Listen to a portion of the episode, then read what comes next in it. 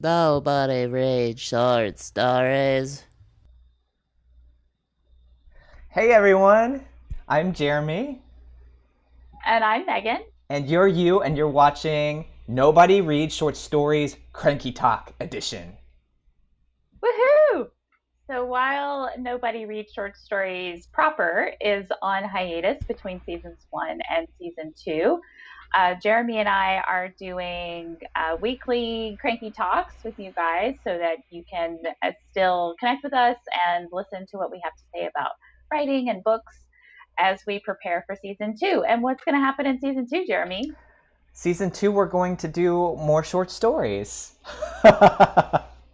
That's right. And we are currently reading those short stories for season two. So if you have a short story that you would like to submit to us, please go to our website, nobodyreadshortstories.com. All of our submission information is down at the bottom. We are 100% committed to showcasing all kinds of stories. We're very committed to uh, showcasing diverse stories. So if you have a short story that you would like to submit to us, um, please send it our way. We can't wait to read it. Yeah, don't be concerned it's too crazy because nothing's too crazy for us nothing's too crazy for us. If you listen to all the short stories that we um, read last season, you will know that. yeah, I'm excited. we already have some in the lineup that we're excited about. Um, by the way, before we get too interesting, because you know how interested me and Megan are, uh, make sure to like and subscribe onto our YouTube channel. And if you want to be reminded about these, you can ring that little bell on the right, I believe, and you will be notified when we are doing one of these. That's right. The little bell is right next to the subscribe button. That will that will um, let you set your notifications. And if you want to follow us on social media, you can find us on Instagram and Facebook and Twitter. And if you want to throw us some Twitter love, please use the hashtag NRSS podcast.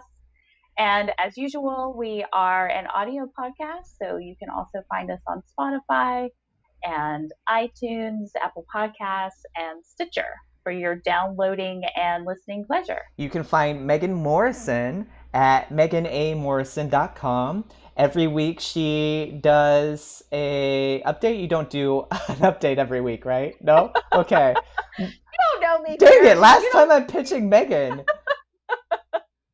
no, you did a great job. Uh, but if you want to sign up for notifications, I don't notify everybody every week. But when I do have a notification or um, something to update, you will, if you sign up for the notifications, you will receive that in your email. Well, I'm a little annoying. Jeremy, on the other exactly. hand, at jeremyraystories.com Ooh. Gives you a story every week. So if you, when you sign up for our notifications for his newsletter, you are guaranteed a fresh news story every week. Well, fine. You did better at this introduction thing than me, Megan. you win. All right, I think it's time for cranky talk. So, all right, we ready? We listened to the voters, also known as our listeners, and they said they actually like hearing us talk, which is surprising. So, we're actually going to do seven minutes from now on. All right. All right, Megan, pull the lever.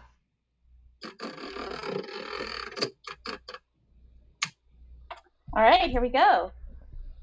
So uh, this week I read something a little bit different. I read um, this book called Atomic Habits by James Clear. I actually have it.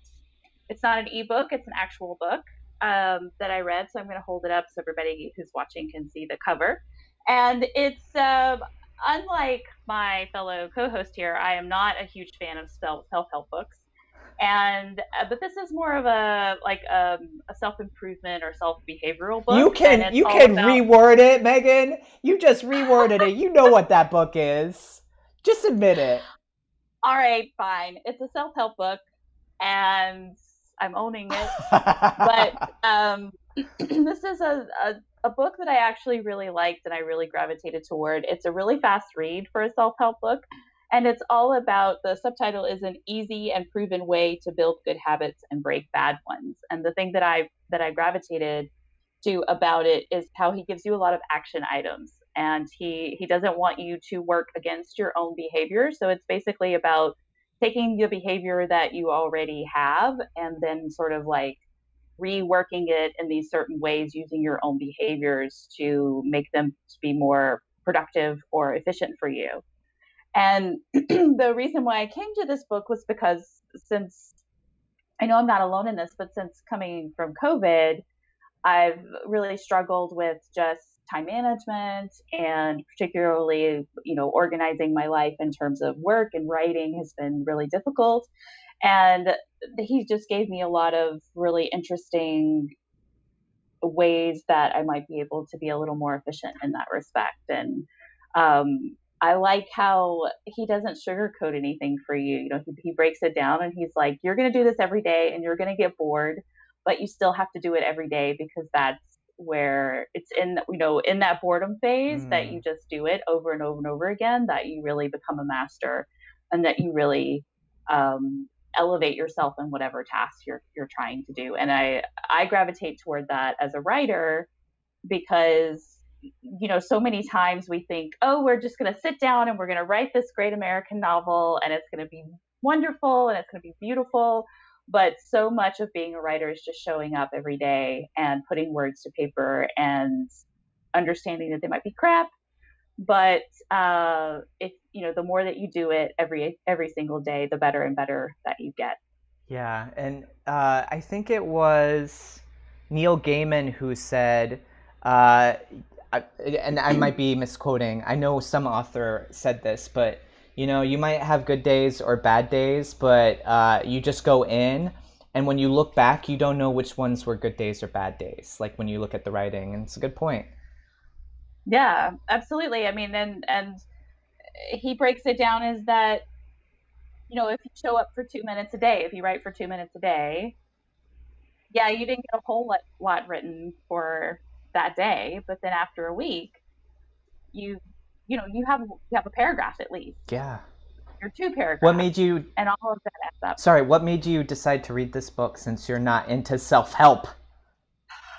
Well, again, it was the um, the Overdrive Los Angeles County Library app that recommended it to me, and then it kept popping up and I was like, no, self help. No, I don't need self help. But then, but then a friend of mine from college mentioned that she had read it and I felt like it was a little bit of a, of a sign that maybe I should take another look at it. And I'm so glad I did. It was, like I said, it was a very quick read cool. and I feel like I got so much out of it. And I think it's, I think it might be beneficial for anybody who's just trying to feel a little less frenzied in their time management or trying to add a little more purpose to um, the things that they're trying to accomplish in a in a way that's very like these are the things that you can do. You know, it, he gives you a lot of action items, which I appreciate instead of just saying like this is the philosophy behind mm. you know habitual behavior. Like, I like step one and step two and step three. That's cool. Yeah. so Jeremy, what have you been reading this week? I am halfway done with this and like I, I, I love I. What's the name of the book? Oh, I'm so sorry. Uh, so it's Circe. Uh, great book uh, by Madeline Miller.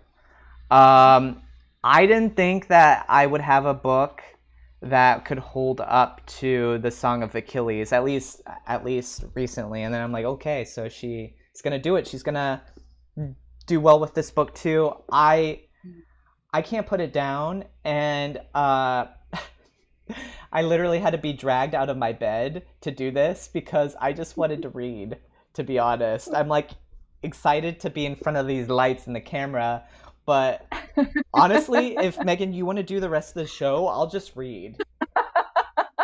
it's really good. Like I'm I'm not joking around with this book. Um, it reminds me if people know the Mists of Avalon. It has that feel to it.